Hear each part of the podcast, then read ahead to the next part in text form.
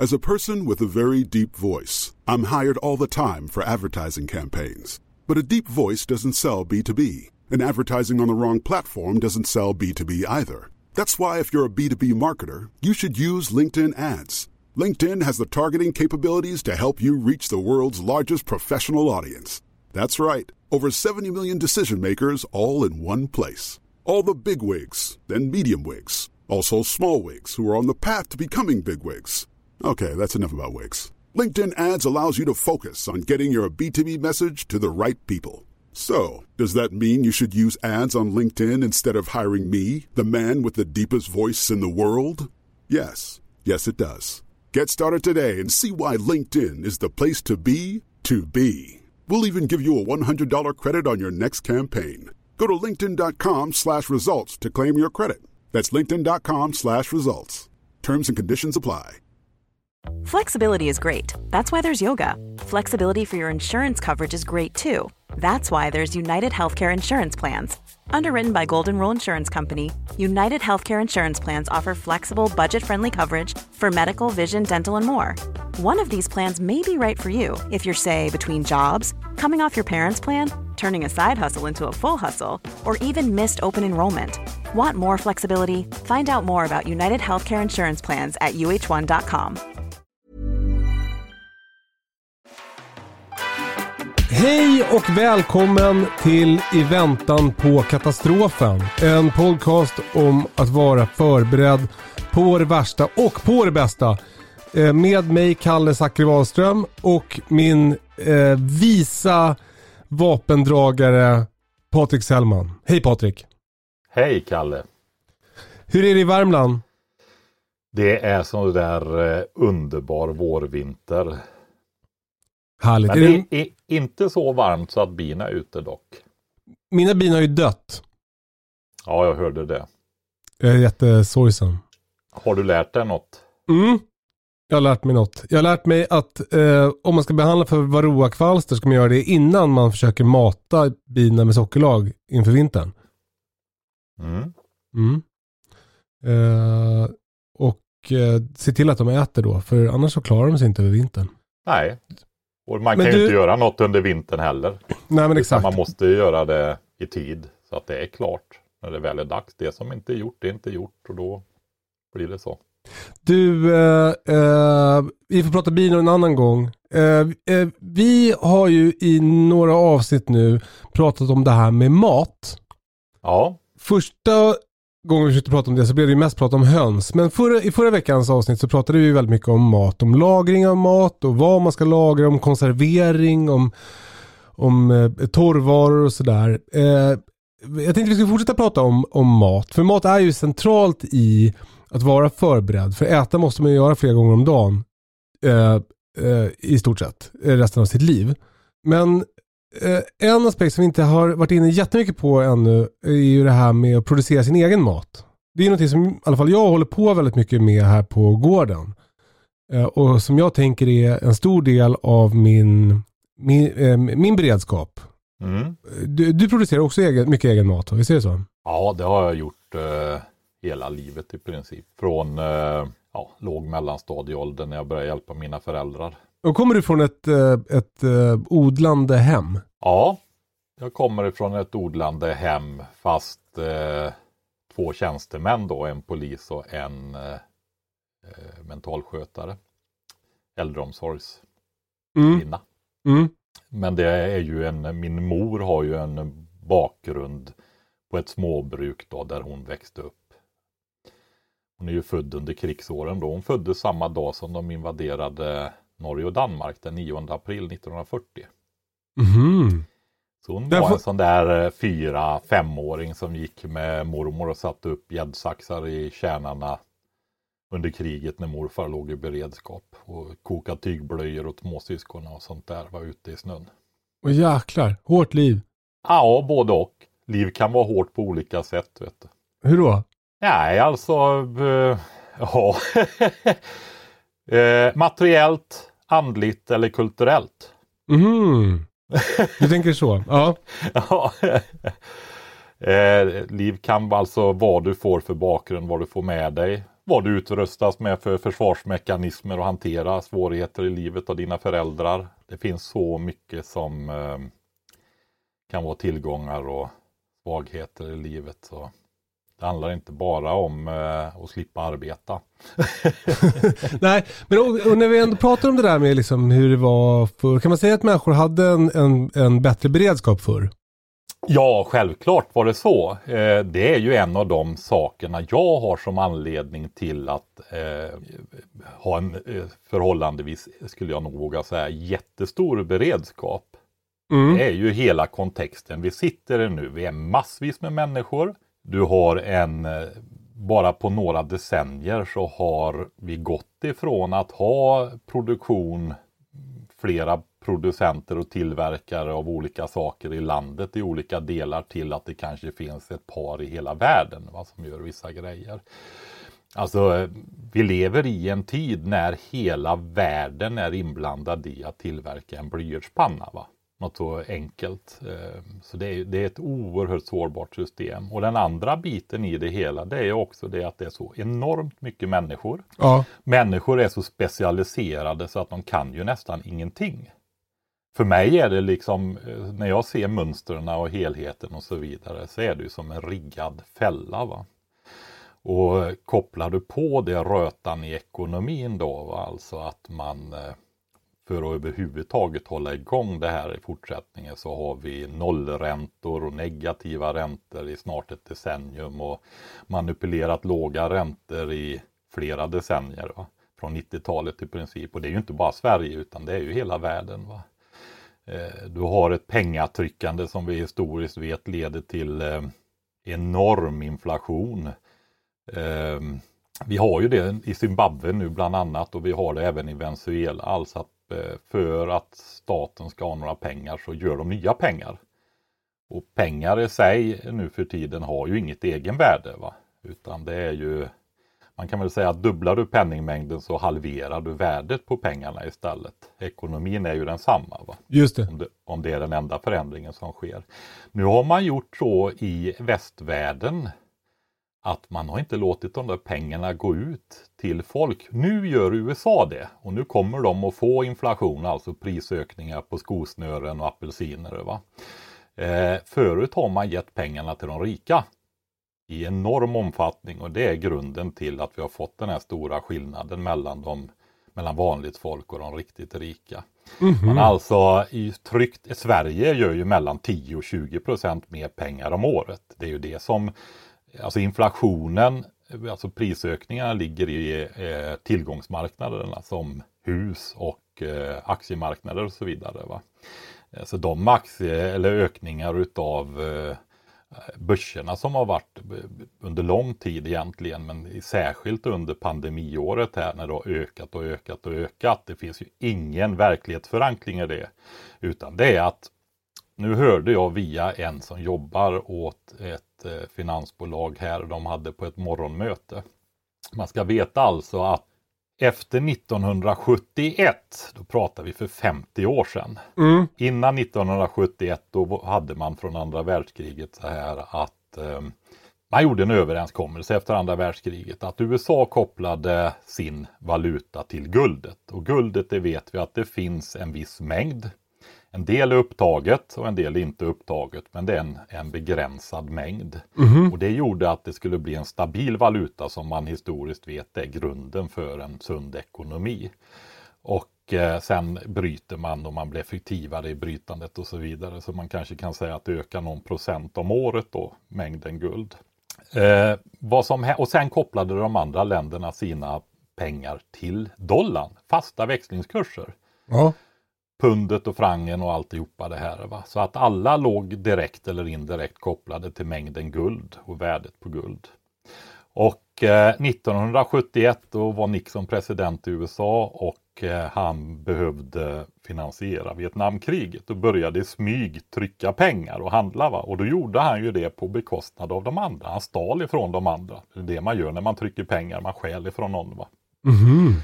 Och eh, det kom fransmännen och britterna på. Och eh, de begärde ut guld. Och då sa Nixon bara att det där gäller inte längre. Och därefter så har vi den typ av pengar som vi har nu som kallas fiatvalutor som egentligen bara är ett förtroende det handlar om. Va? Ett, ett eh, förtroendevärde. Det finns inga underliggande värden i pengar överhuvudtaget längre. Va? Och efter det, då satte pengatryckandet igång. Var det då allt började gå åt helvete eller? Det här är ju sådana här grejer där den mänskliga hjärnan ofta kommer till, eh, till korta helt enkelt. Va? Vi är ju vana att tänka mer kortsiktigt. Det här är ju långa, långa flöden av eh, orsaker och samband och processer. Va? Alltså det man, när man pratar om romarrikets fall till exempel, Västrom då, Östrom levde ju vidare länge. Innan de här krigen med, om Jerusalem på medeltiden kan man säga. Och eh, det tog hundra år för romarriket att falla ungefär. Va? En väldigt utdragen process. Då. Men eh, det här med röta ekonomin kan man nog säga inleddes där bland annat. Det handlar ju också om eh, energi och resurser och sådana här saker givetvis. Men, eh, men eh, pengatryck, det jag ville säga var för att beskriva situationen nu och rötan i ekonomin då, va, så är det ju så här att eh, USA har tryckt väldigt mycket pengar. Va. Eh, det är en sån här exponentiell kurva, du vet. Det är plant ända fram till 1971 och sen ser man hur det ökar och ökar och ökar fortare och fortare och fortare och nu står det liksom rakt upp och pekar ända in i helvete kan man väl säga. va. Eh, för det är vad mm. det gör och eh, det gör det ju i andra delar av världen också även om USA kanske har varit den som tack vare inom situationstecken då har kunnat utnyttja det här med petrodollar och att det är reservvaluta och sådana saker. Att folk använder det ändå. Vilket gör att det har ett, underlig, eller ett värde på förtroende då. Va? Och att det, USA har haft en hyfsat stark ekonomi hela tiden. då. Det är väldigt spännande det här med liksom ekonomi. Eh, eh, för jag, jag är ju liksom ointresserad av, av ekonomi på ett sätt och också eh, eh, okunnig om ekonomi. Men det är något som gör att jag drar öronen åt mig när du börjar prata om, om det här. Som att jag tänker att det inte riktigt är sant. Förstår du? Tror du att det är... Är det liksom... Eh, eh, eh är jag invaggad i, i liksom marknadens falska trygghet? Eller är det här en konspirationsteori? Det är ju ingen konspirationsteori det här utan Bretton Woods-avtalet eh, upphörde 1971 och sen började man trycka pengar. Va? Och det är ju inte jättesvårt att förstå just det där med att eh, pengar som inte har något underliggande värde som guld eller någonting annat, än någonting materiellt. Eh, så eh, dubblar du pengarna och ekonomin är densamma så borde eh, pengarna vara värda hälften så mycket. Och det är ju också vad du ser i länder där det går ut i konsumtionsmarknaden då. Zimbabwe, Venezuela, du har Weimarrepubliken innan andra världskriget där när ett ägg kostar 6 miljarder och så vidare. Va? Du kan gå tillbaka till Gustav Vasa som gjorde kopparpengar i Falu koppargruva och gjorde jättemycket för att kunna göra saker och man fick köra kring en daler i en skottkärra till slut, en stor koppardaler. Va? Ja. Eh, det är samma sak där. Eh, så så är det och eh, nu har man gjort så istället att det går ut i tillgångsmarknader. Du kan se det i, i, i bland mer folkligt i Sverige är ju till exempel det här att eh, när du ska köpa ett hus så går du och mm. tar ett lån. Mm. Alltså 90, jag vet inte hur mycket det är i realiteten för banker lär ju sig gå runt. De har ju någonting som eh, kapitaltäckningsgrad heter Alltså de måste ha en viss mängd egna pengar. Men jag tror de kan utnyttja det här och gå runt i en sån samarbeten och olika typer och sånt där. Men säg att eh, jag kan inte de exakta siffrorna där nu, men säg att om du har 50 000 i en bank, eget kapital, alltså inlånade pengar som du har satt in och sparat eller att de har eget kapital, så kanske de kan låna ut en miljon. Mm. Alltså 950 000 av den där miljonen har inte funnits förut överhuvudtaget. Det här med prisökningarna på bostadsmarknaden som vi ser, det finns ju en viss del efterfrågan men den är ofta eh, förknippad med tillgången på pengar också. Om man då gör nya pengar. Vi köper alltså samma hus dyrare och dyrare varandra för nytryckta pengar. Va? Det är ju det som är en bubbla. Men det är ju då lite väl ofta, eh, den stora massan där är ju lite mer välbemedlade vanligt folk om vi säger så. Va? Men mm. eh, tittar du sen på det här med bonds, alltså obligationer, värdepappershandeln i världen, börserna och så vidare. Så är det ju så att väldigt mycket av de här nytryckta pengarna går in på olika sätt där. Va? Och, och då när det finns pengar, de, det finns så mycket pengar så de vet ju inte vad de ska göra av dem, de bara trycker in dem på börserna. Jag satt själv och tittade här på kap, eh, eh, kvartalsrapport från Google där de minskade nästan resultatet med 10% och aktien bara rusar. Va? Alltså det är det och då gör ju det att de rika eh, mängd pengar ökar ju hela tiden medan vanligt folk, folk får löneförhöjningar på ett par tre procent. Va? I, bara i Sverige så har penningmängden ökat med mellan ungefär 10 och 20 procent om året, oftast runt 10. Men jag vill också poängtera att där har du alltså orsaken till att de rika blir så mycket rikare hela tiden. Och vanligt folk eh, får sitta och hoppas på att inte sitta vid Svarte Petter och sitta med de stora lånen vid eh, eh fastighetsbubblors eh, krascher. Va? Eh, vi tror vi bygger välstånd genom att köpa samma hus dyrare och dyrare av varandra med nytryckta pengar. Det är den ena biten. Alltså de här enorma värdeökningarna som har varit, det är alltså i stor del inflation. Nytryckning av pengar som trycks in. Men till saken då, så är det ju så här att 40 procent, fast de gjorde det 1971, eh, började trycka pengar i USA, så är 40 procent av alla dollar som någonsin har skapats på något sätt gjorda senaste 12 månaderna för att hålla igång ekonomin. Va? Hålla uppe börskurser. Det man ska veta också är ju att våra, stor del av våra pensioner ligger i de här börserna. Och när det här brister, då, ehm, då blir det världshistoriska mått alltså. Ja, äntligen börjar vi prata om när det brister, för det var det jag tänkte komma ja. till. Kan du, inte, kan du inte skrämma upp oss? Kan du inte ge oss ditt ja. värsta, liksom, vad är ditt scenario? Vad kommer att hända? Alltså mitt värsta scenario, då kommer ja. ju folk att sluta lyssna på den här bloggen för då blir det för mycket för dem. Nej, men kom igen nu, vi är redo. Nej, vi, kan, vi får Skräm ta det lite stegvis då. Ja. Mm. Alltså du har kombinationen av den här globaliseringen, hela mm. världen involverad med frakter, logistiksystem, eh, allting ska flyta på. Just det, för att producera en, en blyertspenna så måste minsta, hela världen vara i... Minsta grej va, där vi bara för några decennier sedan gjorde saker nationellt och regionellt. Och till och med lokalt om du backar några decennier till. Va? Det fanns tegelbruk i var och varannan by. Eh, men det är det, sårbarheten i systemen har du där. va. Men sen har du en sak till som har hänt som har varit en del av produktivitetsutvecklingen som har varit och det är ju människor har blivit så oerhört specialiserade och vi har sen några enstaka generationer bakåt allt mer tappat kontakten med det basala för att leva på den här planeten. Va? Så jag brukar raljera och säga att många kan inte ens laga mat längre. Va? Eh, och det ligger lite grann i det.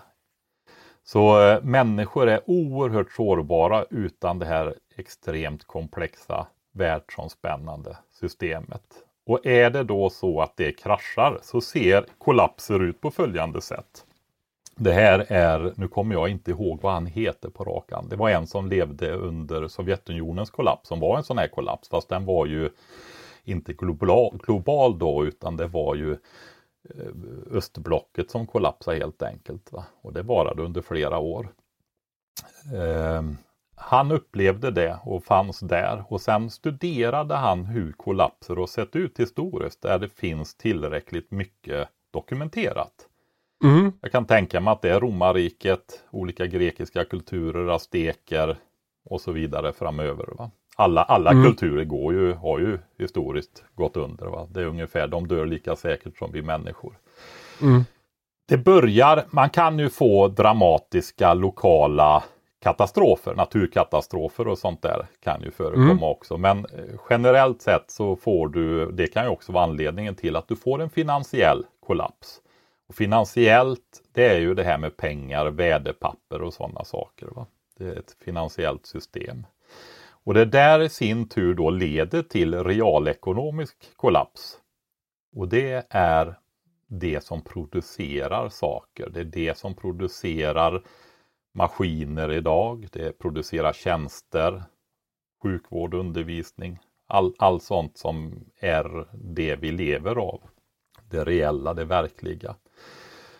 Det i sin tur leder till politiska kollapser och stoppar det inte där, vilket det gör ofta, och så reser det sig upp igen. Men fortsätter det förbi där om det är en väldigt allvarlig kollaps, då blir det alltså social kollaps och kulturell kollaps och då blir det väldigt tråkigt kan man väl säga. Va? Det är så det ser ut. Just det, men och, och i exemplet som du, liksom, när du pratar om liksom hur, hur du menar att en liksom inflationsbubbla och en, en bo, bostadsmarknads, att bostadsmarknaden är, är uppblåst och, och så vidare. Hur, hur, liksom, hur ser det här ut? Ja, det ser ju ut. Jag tror inte Alltså jag är väldigt ödmjuk när det gäller sånt här och jag ser ju att många väldigt mycket duktigare än vad jag säger. De, det här med hur det ska se ut framöver och vad som händer och så. Det är väldigt, väldigt svårt att förutse, speciellt tidsmässigt. Va? Eh, det vi vet är att vi har de här bubblorna som med 100% säkerhet kommer att explodera. Va? Så är det. Och de är så alltså, utanför mänskliga hjärnans fattningsförmåga stora idag. Va? I kombination med den här extrema sårbarheten. Eh, jag tror de pengarna som man har gjort som har gjort att de rika har blivit så ofattbart rika. Va? Eh, äger nästan allting. Man brukar ju prata om någon procent som äger nästan allting i världen. Va? Det ligger ju i tillgångsmarknaderna. Och det är ju en prissätt. Vad betyder det? Ja, det är ju aktier, fastigheter, ägandet helt enkelt. Va? Ja. Skogar, eh, guld och silver, råvaror, ägandet och de här sakerna då. Va? Det är tillgångar.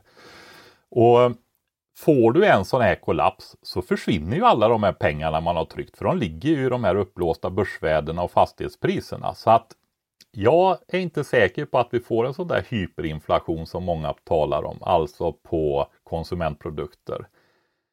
Utan istället så säger det poff och så försvinner alla de här pengarna man har tryckt i flera decennier i gigantiska krascher av tillgångsmarknaderna. Och det i sin tur då kommer ju att leda till arbetslöshet och alltihopa det här av olika grad till ofattbar grad.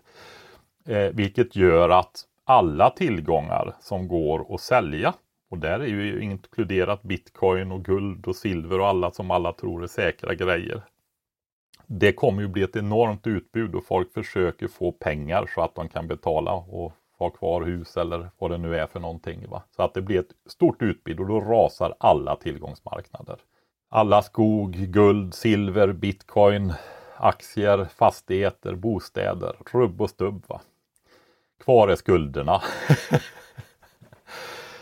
ja, jag skrattar där men det är ju oerhört tragiskt. va. Eh, så är det ju. Och eh, det här kommer ju i sin tur då att slå över på realekonomin. Företag försvinner. Företag som kör omkring med lastbilar, alltihopa det här. Va? Eh, saker kommer inte att förflytta sig från Asien till Sverige. Den där axeln som gick sönder på bondens skördetröska den där veckan han måste skörda så inte allt hamnar på backen. Den kommer inte. Nej. Nej, vi kan inte köra ut eh, potatis och spannmål som ligger hos bönderna för vi har ingenting att köra med. Det finns inte drivmedel, det finns inte reservdelar till maskiner. Allting faller ju sönder som jag sagt förut. Va? Termoentropin. Eh, allt sönderfall och man måste tillföra saker och energi för att upprätthålla det här. Eh, vi hade ju ett, ett sånt där vi pratade om våran egen beredskap som jag har mina rötter i mm. då, va? det tänkandet.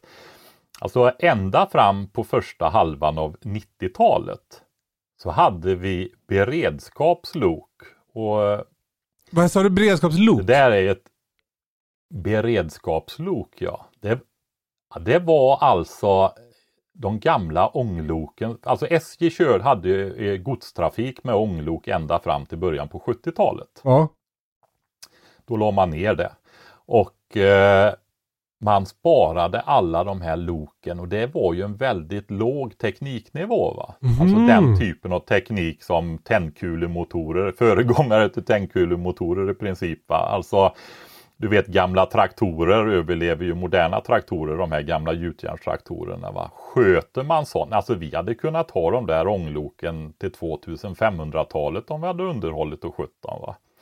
De hade 150 utav kraftfulla lok med otroliga vridmoment som kan dra stora, inte lika fort som våra moderna, men med en enorm dragkraft.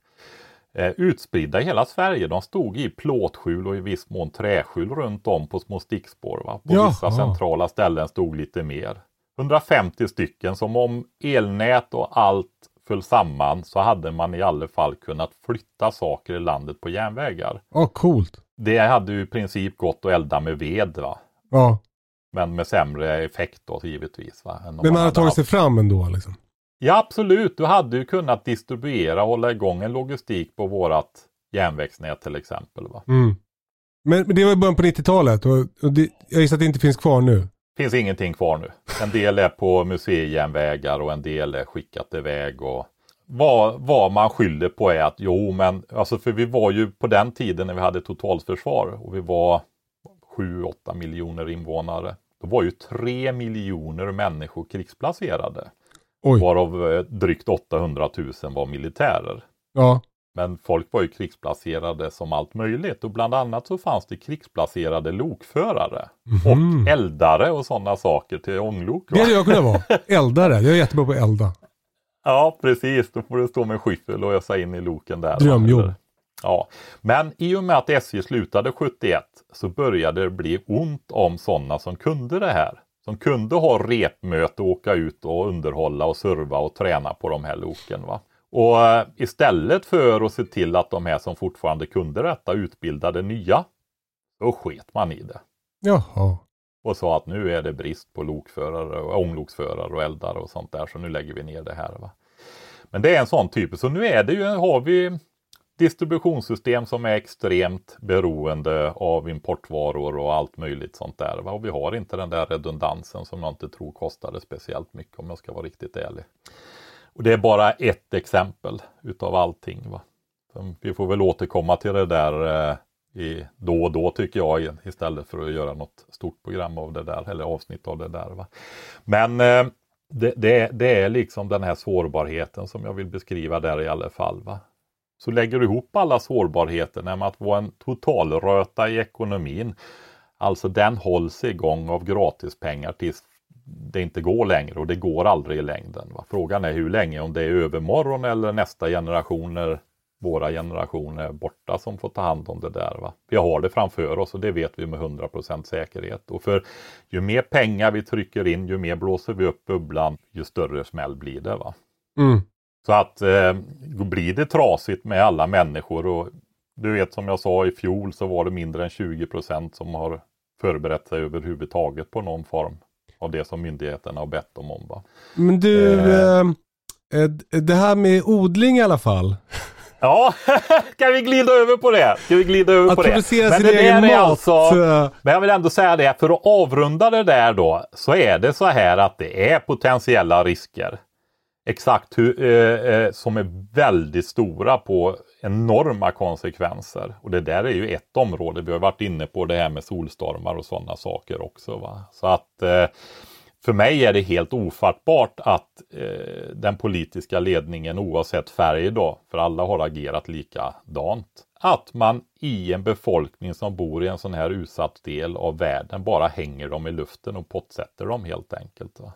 Där man hade kanske ett, den högsta beredskapen i hela världen dessutom, så har man förstört allting. Va? Det är vad man har gjort. Ja, Så vi sitter där nu och eh, de tjafsar efter flera år efter beslutet om att återupprätta ett totalförsvar och civilförsvar om hur det ska finansieras. Så de har alltså inte satt igång än. Jag vet att de har satt igång med sina möten och planer men det är inte några återupprättade spannmålslager och alltihopa det där konkreta som är någon beredskap. Va? Eh, man kan ju planera till förbannelse hur mycket man vill och så finns det ingen beredskap i alla fall. Va? Även om planer också är viktiga givetvis. Va? Så eh, det finns all anledning till att göra mer än en vecka eller två. Mm. Det kan jag säga. Mm. För att eh, med de här hjälplösa människorna, med den som är beroende av den här världsomspännande logistiken och infrastrukturen, så är vi så sårbara och utlämnade så att du vågar knappt tänka på det. Va? Men Och det är verk verkligheten. en grej som slår mig när jag, när jag hör dig prata om det här, det, det känns som att det liksom, har det inte alltid funnits sådana som du? domedagsprofeter liksom, som, allt, som har varit oroliga att det ska gå åt pipan. Och sen har det funnits sådana som tror att allt ska bli guld och gröna skogar och sen så... Jo, det tillhör historien. Ja. Absolut gör det det. Och ofta får de ju rätt. Eh, lyssna på argumenten istället, Kalle. Ja, ja jag gör det. Lyssna på vad jag säger. Jag gör det. Jag lyssnar på vad du säger. Men jag, vet, jag kan ju inte säga att det sker i övermorgon. Nej. Eller om två veckor, två månader, två år, två decennier eller om två generationer. Alltså jag är förvånad varje gång. Det är ju så här att de här som är ansvariga och sitter på det här, de vet ju att det går åt skogen om de slutar stoppa in pengarna och är glada så länge folk fortsätter att låtsas som allt det som det ska vara. Ja. Så är det ju. Och grejen är, vi har det framför oss. Ja. Det kommer med 100% sannolikhet att ske. Ja. Och jag tänker så här, det kan ske i övermorgon och eh, därför förbereder jag mig på det. Och är det så att det inte gör det så har jag eh, mycket av de kostnader som jag har är i själva verket investeringar i sånt som jag ändå behöver. Just det. Så är ju smart Ja, att tänka. Ja, men det är ju det. va. Alltså, istället för att ha det här lagret på jul som man har nu och lagret i affären och gå och hämta, ja en del veckohandlar ju inte ens en gång utan handlar var och varannan dag. Va? Mm. Så gör du så att du handlar och så har du lagret hemma istället. Mm. Och sen kan du utöka den lagerhållningen ju mer du lär dig om hållbarhet på råvaror och hur du ska förvara det och så vidare. Mm. Så man måste ju börja, det här är ju inte någonting du går och gör så va. Nej. Utan det är ju en process om du ska göra det i det längre perspektivet. Och då hamnar man, eh, jag, jag, jag tycker jag har sagt vad jag behöver säga det där och förstår man inte vad jag berättade för någonting och förstår allvaret i det så, vilket jag tror att kanske inte alla kan ta till sig då, eller vill ta till sig. Det går ju att stoppa huvudet i sanden också, det gör ju många va, det är ju lättast. tills, till, tills, det, tills, det, tills någon kommer och rycker upp dig, va? det står där i verkligheten. Det var lite det jag var inne på, att det, man är så, så van vid att det ändå ordnar sig. Alltså förstår du? Det, det känns som att, som att alltså det har kom, kriser har kommit och gått och börskrascher har kommit och gått. Men det, det ordnar sig som alltid. Så, så i alla fall under min livstid. Så jag tänker liksom, jag, jag lever, jag, när jag hör dig berätta nu så, så tycker jag att det låter, oj oj oj, det låter liksom läskigt. Men, men det är väl inte, så där kommer det väl inte att bli, tänker jag. Men jag fattar, jag, jag kanske är naiv, men, men jag tänker så. Jag är nog en sån som sticker huvudet i sanden lite, just när det gäller Mm. liksom ekonomi. Ha, ja, alltså saken är ju så här att det får jätteallvarliga eh, Mänskligheten överlever väl. Jag tillhör ju inte de som tror att mänskligheten är utrotad om 50 år och så vidare som en del gör. Mm. Eh, utan jag tror ju att mänskligheten lever vidare och vi ska ju, du kan ju vara, jag kommer inte ihåg vad det kallas, vi ska ju ändå dö mentalitet och så vidare. Va? Men, eh, men att det blir allvarliga konsekvenser och det kommer ju och går. Du sitter ju och tittar på detta på tv hela dagarna. va? Mm. Du har eh, två världskrig bakom dig. Ja. Du har en jättedepression på 30-talet. Ja. Alltså det där är ju nära i tid och det är i allra högsta grad verklighet. Va? Eh, nu är det så här att vi har aldrig haft så utflippade människor som vi har nu och vi har aldrig haft ett sånt överflöd som människor tar för givet på det sättet som vi har nu. Vi har aldrig haft en sån global logistik och organisation som är så extremt oljeberoende. Du kommer ihåg de här hundratals slavarna som jag sa att våra energisystem förser oss med var och en. Va? Som vi bara tar för givet att det är där. Va? Alltså det är inte att vi har slavar utan att det är att, att eh, som diesel motsvarar slavar. Du sa. Ja, och kärnkraft och vattenkraft. Alltså alla de här energisystemen som pumpar in energi i, i våra logistiksystem och våra tillverkningsprocesser och alltihopa och värmer och allting. Den i en förindustriell tid motsvarar flera hundra slavar. Va? Mm. Som ska arbeta åt var och en av oss. Så, och det är ju en liten parentes och bli, försvinner det, ja då tappar du det där och så får du göra jobbet själv i princip. Va? Eller skaffa slavar. Ja, men då måste du ju kunna ge dem mat och så, annars så dör de ju. Va? Så att eh, det är nog inte bara så enkelt. Jag tror att det är ett annat och- avsnitt, slavavsnittet, när vi pratar om slavhållning. Eh, alltså förlåt att jag skrattar, det är liksom inte, man ska inte skämta om att ha slavar såklart. Det är ju jättehemskt och, hemskt och en, en, ett mörkt avsnitt av vår historia. Så fick jag det sagt också. Mm.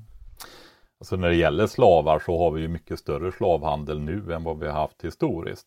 Inte vi i så stor utsträckning även om du har människohandel och så vidare men i andra delar av världen så har du enorm slavhandel. Va? Den är mycket större nu än vad den har varit det som vi brukar förknippa med slavhandel. Jaha. Jag, jag, jag måste vi säga en källa på det där Patrik eller? Ja, det är bara att googla. Då får ni göra det. alltså drar du det här om det blir riktigt illa är det ju så att eh, ja, det blir väldigt otäckt. Va? Så är det. Och sen kan det bli alla mellanvarianter också då givetvis. Och det kan rulla framåt i tiden. Men som jag sa, är det så att inte, jag är ju 55, det är inte många år kvar höll jag på att säga. Det går ju så vansinnigt fort. Va? Menar om eh, 25 år så är jag ju faktiskt 80 år. Ja. Och eh, det börjar dra ihop sig om det inte har gjort det förr. Va? Men jag tänker så här eftersom jag vet med 100% säkerhet att vi har ett väldigt otrevligt monster framför oss där. Va? Så är det så här att är det inte så att det sker i min tid så sker det i mina barns tid med väldigt, väldigt hög sannolikhet. Och då har jag utbildat dem och lärt dem och förberett dem mentalt och, och på olika sätt på det här. Va? Både i vad man gör och hur man gör och kunskaper och mentalt. Mentalt är oerhört viktigt. Va?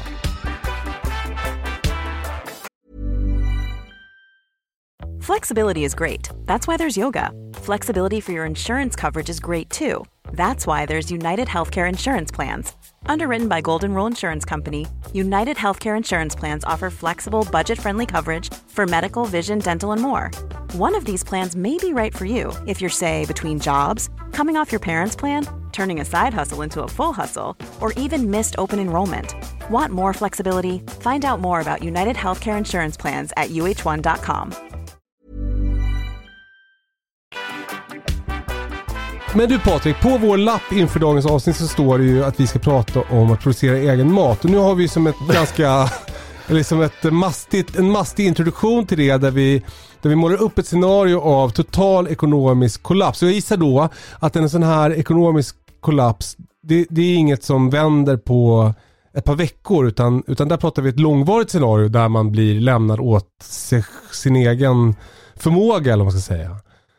Ja, hur det blir det tror jag inte vi kan uttala oss om. Det kan nog faktiskt bli eh, både och. och jag tror man ska vara försikt, försiktig och, och fördela riskerna emellan eh, kollaps över dagen till eh, utdragen mjuk process med alla möjligheter till förberedelser. Jag tror att eh, ta, om man förstår det här som jag berättade nu och inte stoppar huvudet i sanden. Som jag. Så kostar, ja det gör du inte Kalle, du håller på för fullt. Men jag förstår din frågeställning och du försöker ta, förstår att andra tänker så och försöker ta deras position.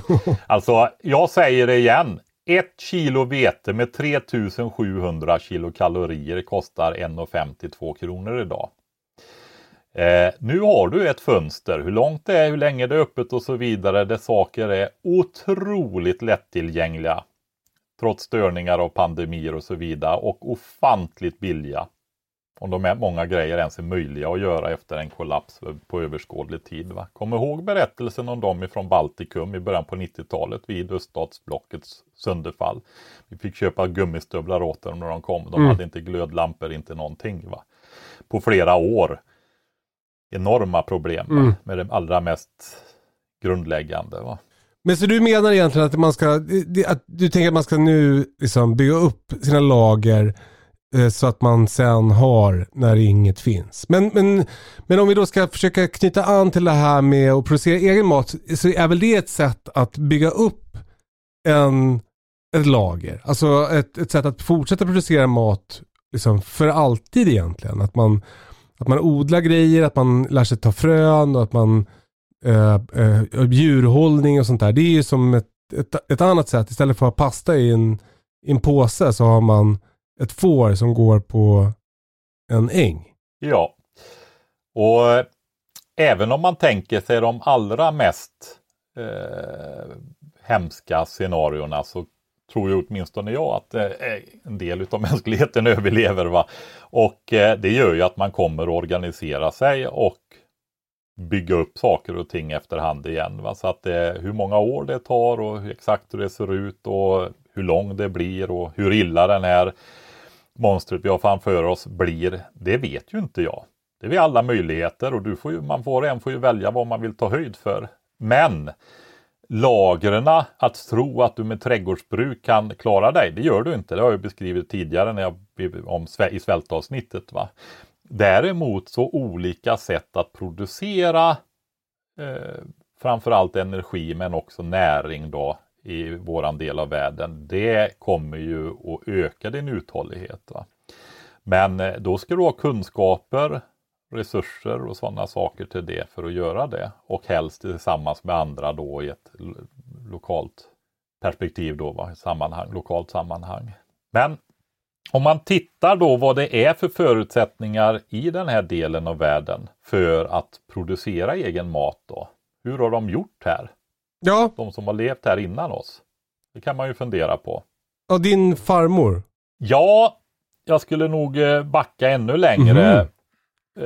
Ett brett historiskt perspektiv. Det blir också lite en förhoppningsvis snabb översikt av jordbrukets utveckling egentligen. Va?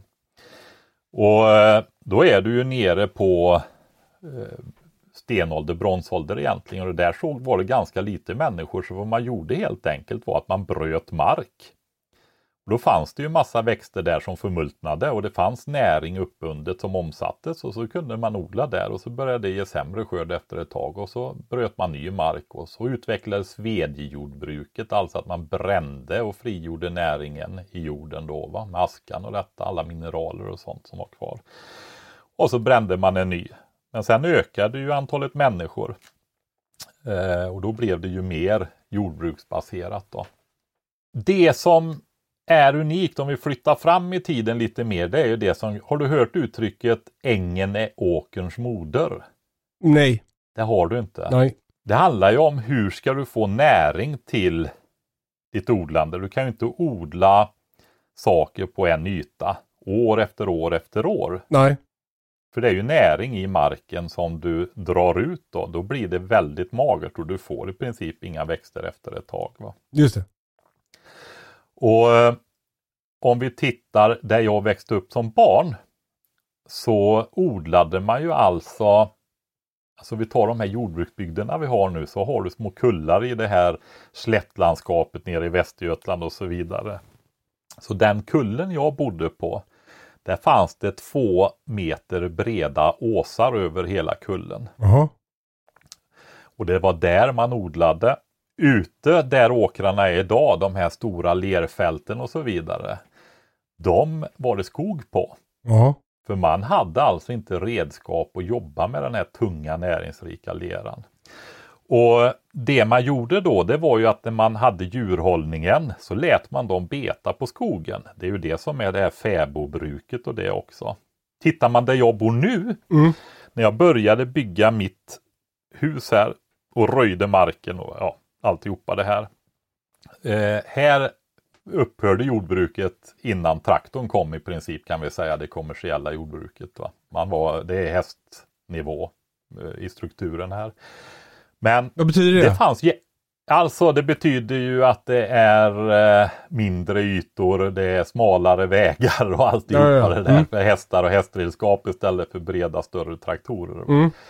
Eh, vägarna är anpassade och stensatta i skogarna efter, eh, efter att det kommer en häst eller oxe med vagn. Då. Här var ju mer häst. Mm. Eh, men här, då hade du alltså i närheten utav bostaden så hade du en åker.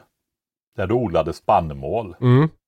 Den här jättenäringsrika, energirika grödan då. Va? Som du kunde göra bröd av och gröt och så vidare. Mm. Och även ge till djuren i viss mån. Men jag tror inte det var mycket spannmål på de flesta ställen som gick till djuren på den tiden. Va? Eh, utan runt den här åken så hade du en äng.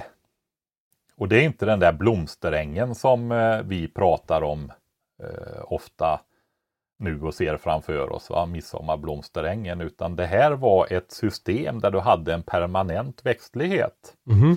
och slog och skördade hö Just som det. du bar in till djuren i laggården och hade och gav dem på vintern.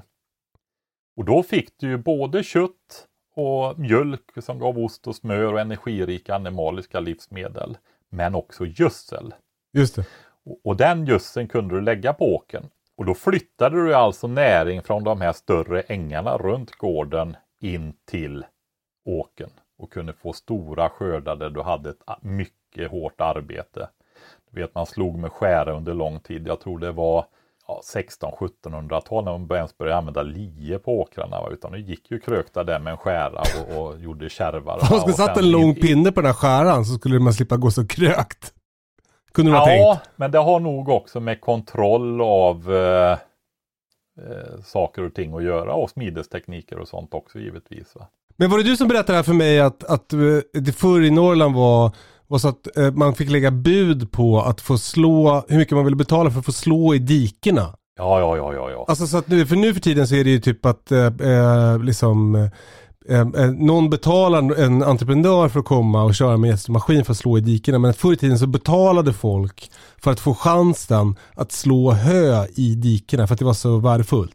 Ja, alltså vi pratar ju om en tid där ditt välstånd var beroende utav hur mycket gräs och även löv lövtäckt då som du kunde ta. Så många djur kunde du ju hålla i laggården över vintern. Mm. va? Så att det var ju basen för ekonomin. Alltså man ska ju ha klart för sig att det är ju så det har varit en stor, alltså svenskar historiskt och andra samer och sånt som har bott i våran del av världen. Det har ju handlat om nu har de i och för sig jägare och samlare väldigt länge, eh, just samerna, va? det har vi pratat om förut och deras fina skor och så vidare. Men eh, de som är jordbrukare här, deras liv har ju mer eller mindre gått ut på att slå gräs under en tid på året när man har kunnat göra det. Just det.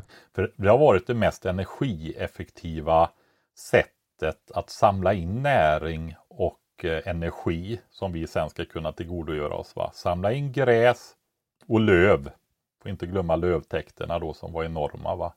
Och sen köra det genom en idisslare då Just det. som kan om- omvandla det till näring som vi kan tillgodogöra oss va? i form av kött, mjölkprodukter och så vidare. Va? Det, är det, det är så vi är en, en mejerikultur höll jag på att säga. Va? Historiskt. Och det är framförallt ifrån bronsåldern. Det blev väl, alltså strax före Jesus Kristus födelse så eh, blev det väldigt mycket kallare i den här delen av världen. Alltså vi ska ha klart för oss att innan den tiden då hade du medelhavsklimat i Skåne. Skånskt klimat uppe i Norrbotten. Va? Det kan man se vid utgrävningar idag. Ehm, vad det var för växtlighet och så vidare. Va? Men när det blev kallare då blev det mer, alltså när du inte kunde um, odla i samma omfattning och så vidare, så blev det mer boskapsskötsel. Var det då vi utvecklade den här förmågan att bryta ner laktos också? Förmodligen är det det att det har, i och med att vi har varit så beroende utav det för att klara, befolkningen minskade ju givetvis med försämrat klimat också, va? kallare klimat. Eh, och då är det ju så att de har ju klarat sig bättre som har kunnat tillgodogöra sig den här näringen då såklart. Så det har ju varit ett selektionstryck på det. Mm. Så är det. Men det är ju en sanning idag också. Alltså att ska du producera det här så är en bland de smidigaste grejerna det är ju alltså att producera bete och eh, ensilage, torkat hö. Ensilage är ju mjölksyrejäst hö egentligen. Va? Mm. Eh, det är ju inget annat. Är mer vatten i och eh, mjölksyre konserverat istället för torkat. Jag välte och rullade en sån bal i förrgår kväll för att jag får den i ladan nu. Jag skulle komma lite närmare med balen. De är Ja, helt tunga. ja de blir det. De blir det. Hö är ju mycket lättare, va? så är det. Men eh, tillbaka till ängsbruket där då, så korna fick ju i första hand inte beta på ängarna. Utan de betade ju ute i skogarna istället. Så där hade man gärdsgårdarna. Det var tillbaka till där att jag hittade sådana gamla gärdsgårdar här. Där jag byggde mitt hus. då, Mhm. Som har fallit ihop men de låg fortfarande kvar på backen och spåren efter dem var kvar. Man stängde ut djuren ifrån ängarna och åkrarna. Så får de klara sig på grejer i skogen och sen har man hö till vintern sen. Ja, jag brukar kalla våra gamla kor, vi har ju en del kvar eh, utav dem. Eh, den fjällnära bland annat. Det, det är ju, vi pratar om hönorna som var förr. Mm. De här eh, lantraserna som är så bra på att hitta näring och födosök och ger lite grann på väldigt enkla enkel grund då istället för de nya högproduktiva som inte ger någonting om det inte är fullvärdigt precis allting. Va? Så var det med korna också. Det är sådana där kor som mjölkar på beta blåbärsris. Vet du. Mm. Så kan man säga då om man vill beskriva det på ett bra sätt tycker jag.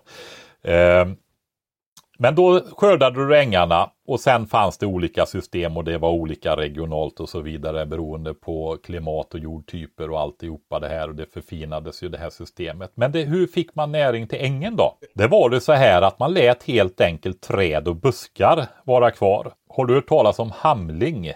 Ja, det har jag.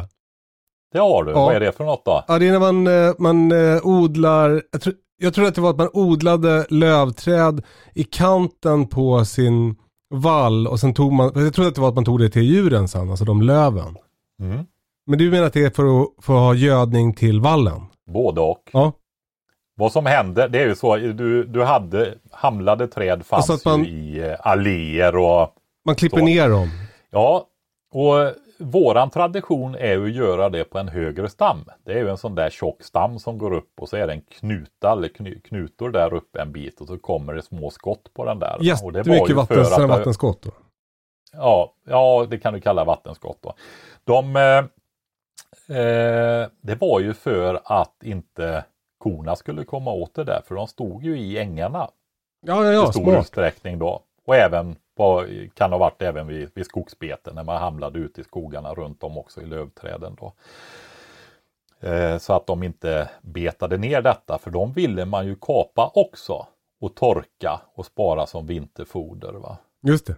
Så det var en lövtäkt då som var en viktig del i eh, hushållningen också då. Hmm.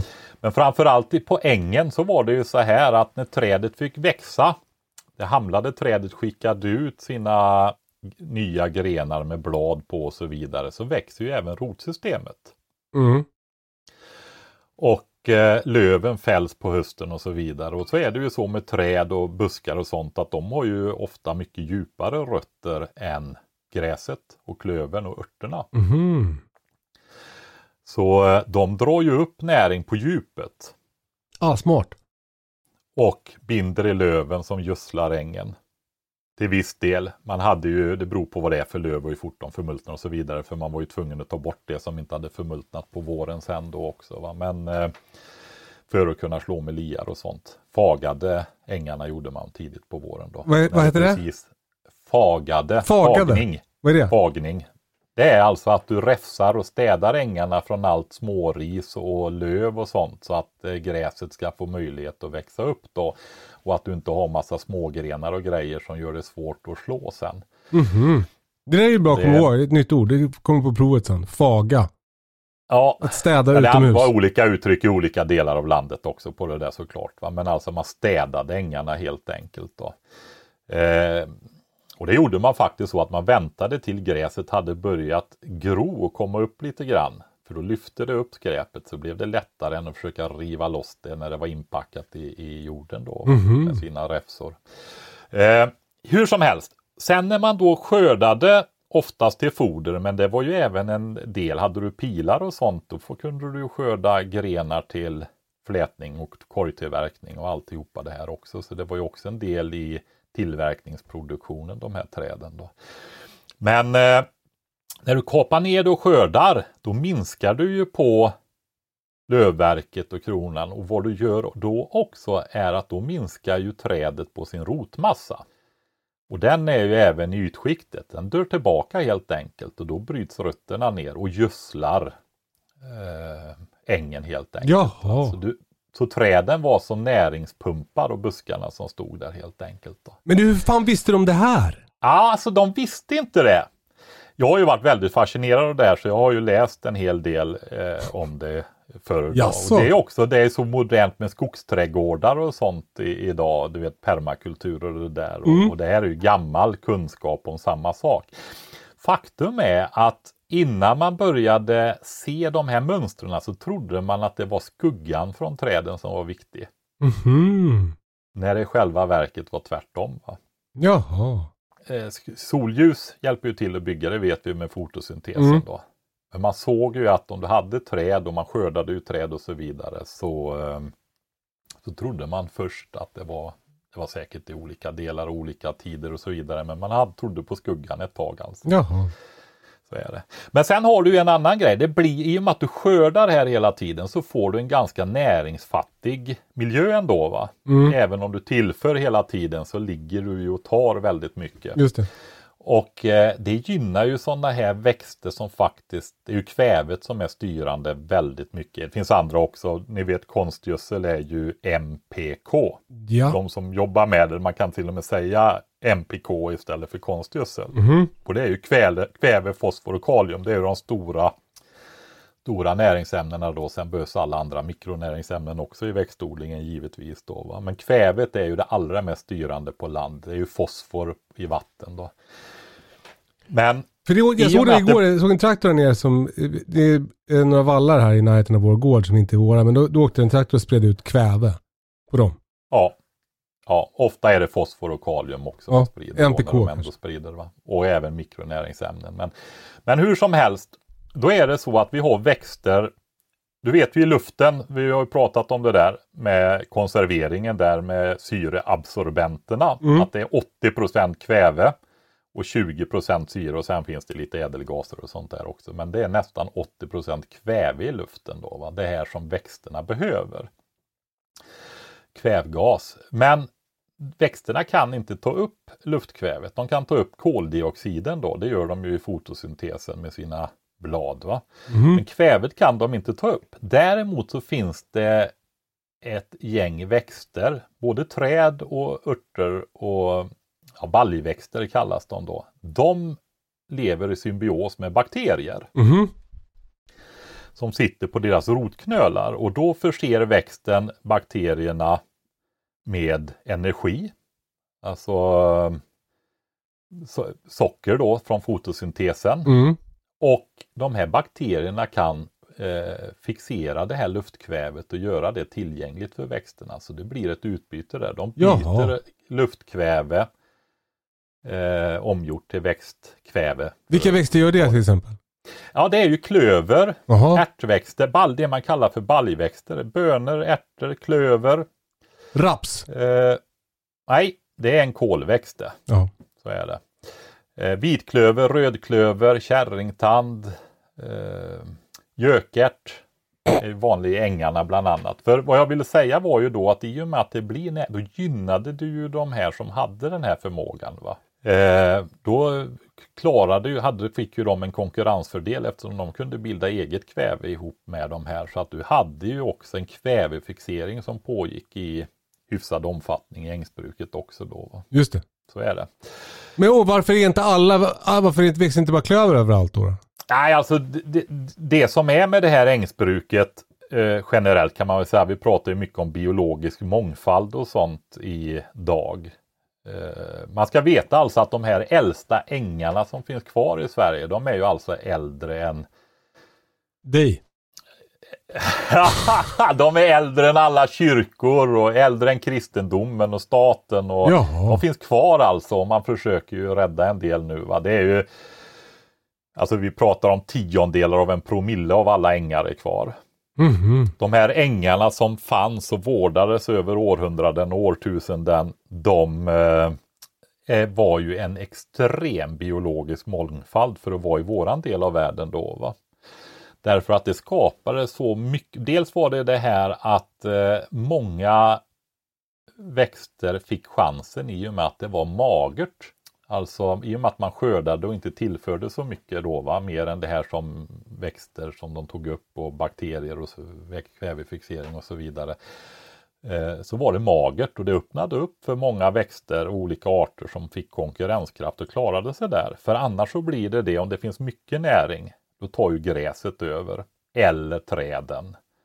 Och då blir det för mycket skugga och sådana saker. Så här påverkade människan det här kulturlandskapet och gjorde att det blev en enorm biologisk mångfald. Alltså. Mhm. Och det kom efterhand olika växter ifrån olika delar av naturen och klev in i det här ängsbruket då så att det var en, eh, där kan man prata om det här förvaltarskapstanken verkligen, där människan kan kliva in och påverka och öka mängden liv och genetik istället för tvärtom. Va? Mm.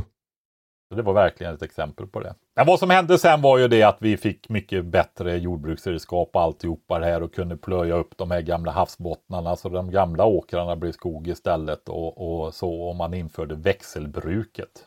Där gjorde man ju så istället att man sådde en vall, alltså timotej och klöver och rajgräs i princip. Va? Ja.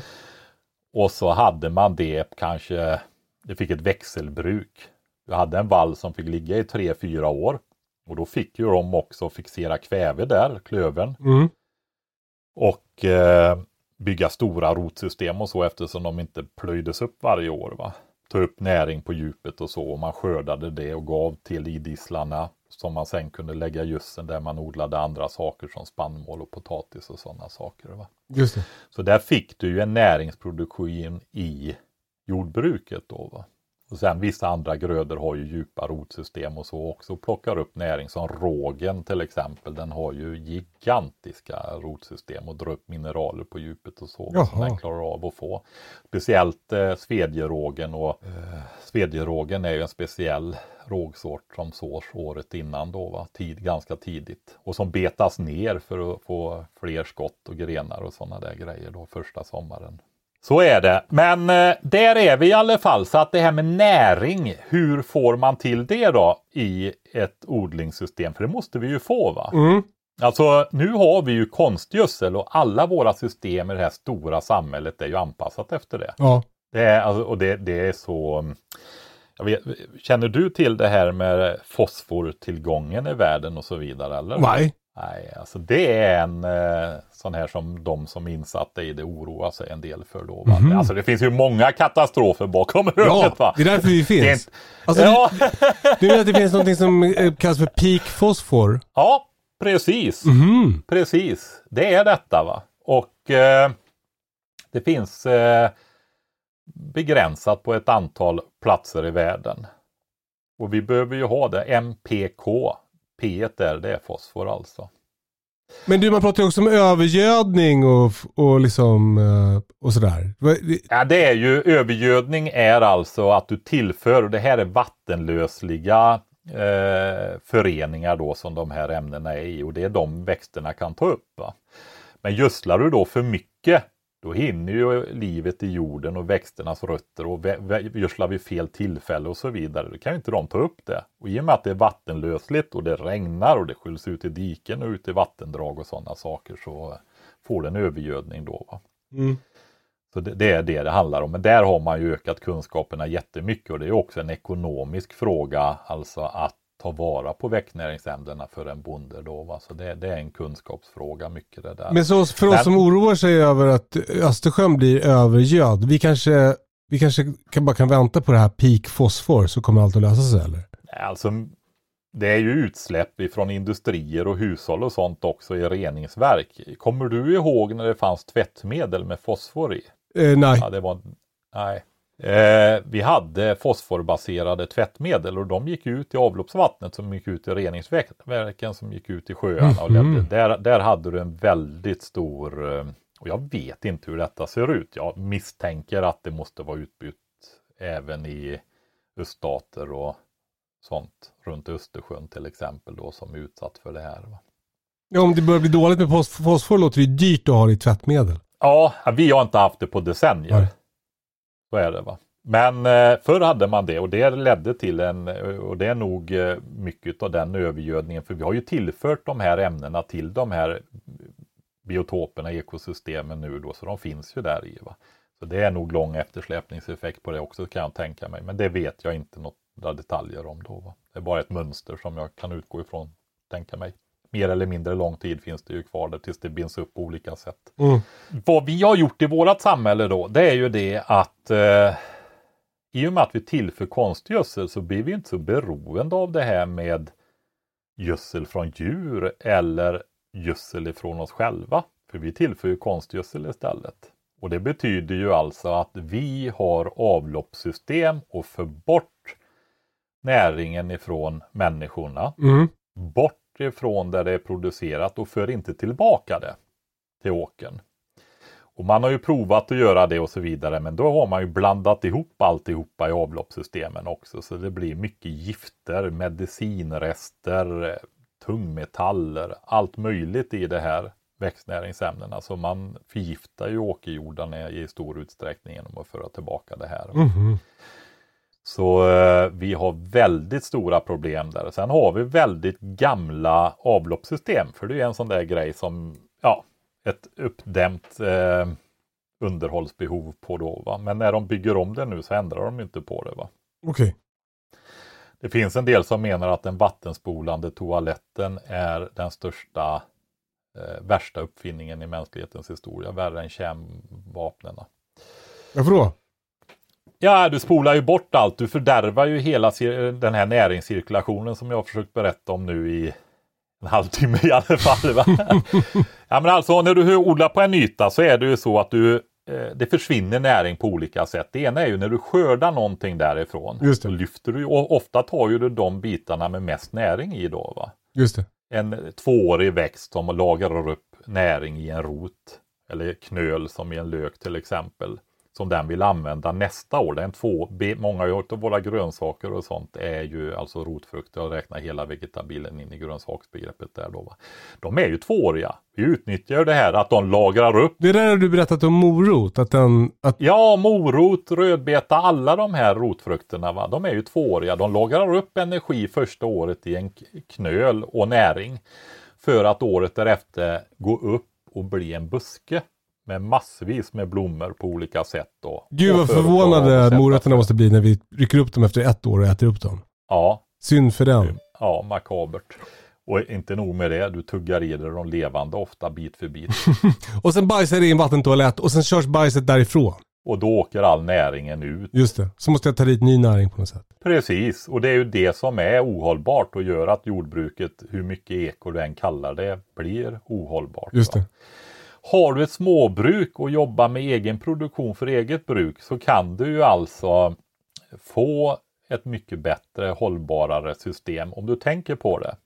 Men vi har ju förutom de här avloppssystemen i tätorter och städer då, va, stadsplanelagda områden, så har vi ju det här fina systemet med trekammarbrunnar och eh, mer raffinerade grejer nu för att minska näringsläckaget då med bakterieprocesser och grejer. Eh, Men då kommer det ju tankbilar som eh, kör omkring och pumpar upp det här och kör iväg det till reningsverken i alla fall Ja, sen ja. då. Eh, ja, Men har du ett försöker- eh, utedass? Nej, Va? jag är tvungen att erkänna det. Jag har faktiskt inte det. Va? Däremot så är det ju en grej som eh, står väldigt högt upp på att göra-listan om det blir en eh, allvarlig situation. Va? Ja, då kan det vara för sent Patrik. Nej, jag har ju virke och sånt hemma och jag lagerhåller både skruvar och spik och verktyg och allt sånt. Så att, eh, Har du, har du lager av skruvar och spik? Ja, det är klart, det är ju helt grundläggande om du har ett längre perspektiv. Du må, alltså alla sådana, alltså, förstår du vad den här industritillverkade spiken betydde när den kom? Alltså det, det, måste, i det måste ju vara helt, det, det, kan jag verkligen, det kan jag verkligen förstå. Jag kan verkligen ta in hur vilken otrolig skillnad det måste vara. Alltså om man typ står i skogen utan någonting och tänker så här, nu, tänk jag hade spik för att sätta ihop det här vindskyddet. Det skulle vara guld. Om man bara har liksom rötter och stenar och försöka sätta ihop ett vindskydd med. Så jag förstår att det är en stor grej. Ja, just vindskyddet tycker väl kanske inte jag är något jättebra exempel. Ja, men alltså det räcker ju att du tar en, en eh, kraftigare pinne med en klyka på Ah, ja, men okej. och lutar dig mot träd Berätta, och så berätta vidare. nu och om eh, fast. industrispiken. Ja. Nej, men alltså har du aldrig smitt en spik någon gång? Eh, nej, nej, det har jag inte gjort. Jag har inte gjort Nej. lumpen ju. Nej, jag fick inte smida någon spik i lumpen Nej. heller, men jag har provat att smida spik i alla fall. Och det var ju handsmida spik och du ser ju dem fortfarande i golvplank och takbrädor och så vidare är väldigt gamla. Man försöker ju vara rädd om det här när man renoverar nu för tiden och så. Va? De har ju de här runda skallarna. Man kan köpa nyproducerade eh, handsmidda spikar. De kostar svinmycket kan jag säga.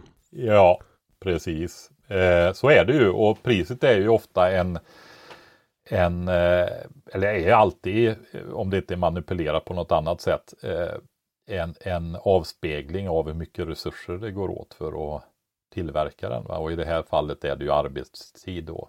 Ja, men, och du har därför massa, ett stort lager av spik hemma och kan därför bygga ett utedass om det skulle bli... Och mycket mer än det. Vad kan, du, vad kan du bygga mer? Nej, men man kan ju bygga uthus eller hus eller stugor eller vad som helst. Har du, har du grejer hemma så att du kan bygga ett hus? Nej, inte virke. Det har jag inte. Nej. Det, det går åt, det är så pass dyrt idag. När jag var yngre så köpte jag vindfällen och frötallar och sånt som skulle tas bort och sådär. Eh, åkte till sågverk och såg upp virket då, men det gör jag inte längre nu då. Så att eh, jag har inga stora lager. Jag kanske har, vad kan det vara? Knappt 10 kubikmeter virke kanske. Aj, aj då. Mm. Du har ju ett eget sågverk, Kalle. Ja, men exakt. Så där har jag, men jag har ju ingen spik att spika ihop eh, plankorna med sen, så det är ju kört ändå. Vi får försöka sammanstråla någonstans på halvvägs i Örebro. Kalle, ja. du får skynda dig att köpa spik. Ja, jag måste göra det. Den blir bara dyrare och dyrare spiken också. För den var billigare förr när den användes mycket mer. Du vet att nu har man ju skruvdragare till allting. Just det. Så det gör att efterfrågan på spik har sjunkit och produktionen har minskat så att den stiger i pris hela tiden. Eh, du Patrik, eh, jag måste liksom vidare i, mitt, eh, i min ja. dag.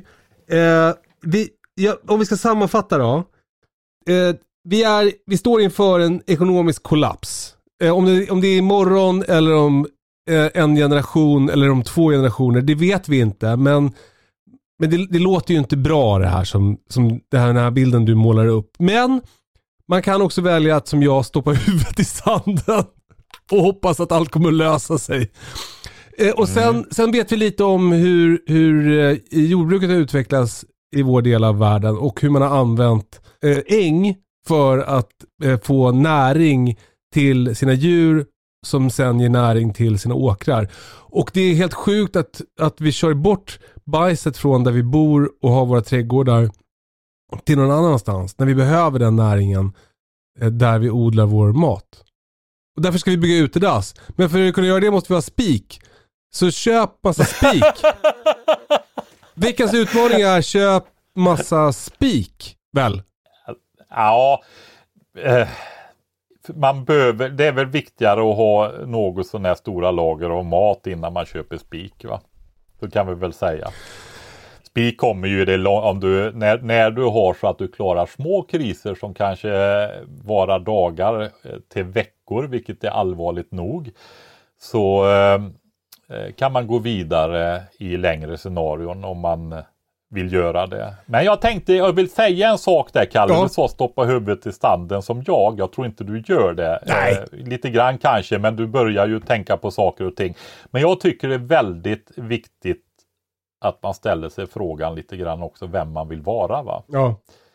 Vad gör man när man stoppar huvudet i sanden? Man rymmer från ansvaret. Ja. Flyr från ansvaret. Eh, du är ju familjefar och så vidare. Ja. Du förbereder dina barn på olika eventualiteter. Förr eller senare så kommer de ju.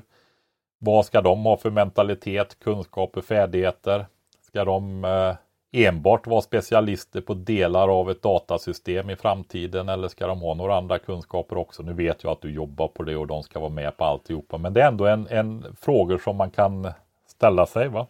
Men sen har vi pratat mycket. Ska jag säga en grej jag tänker på varje gång jag kör bil? Ja. Att jag ska vara beredd på att köra i diket. Ja. det lärde du mig för några, några avsnitt sedan och det tänker jag på varenda gång jag kör bil. Varenda gång jag får möte tänker jag, nej nu ska jag köra i diket. Jag var beredd att göra det ja. i alla fall. Ja. Ja, ja det, det, är ju mäktigt hur man kan förändra ett, ett, ett, ett ja. tankesätt sådär. Du Kalle, ja. jag tänkte så här bara innan vi lägger på. Alltså vi, jag vet, ska vi samla ihop mat för att det finns ju, vi har ju mycket att prata om jag och du. ja.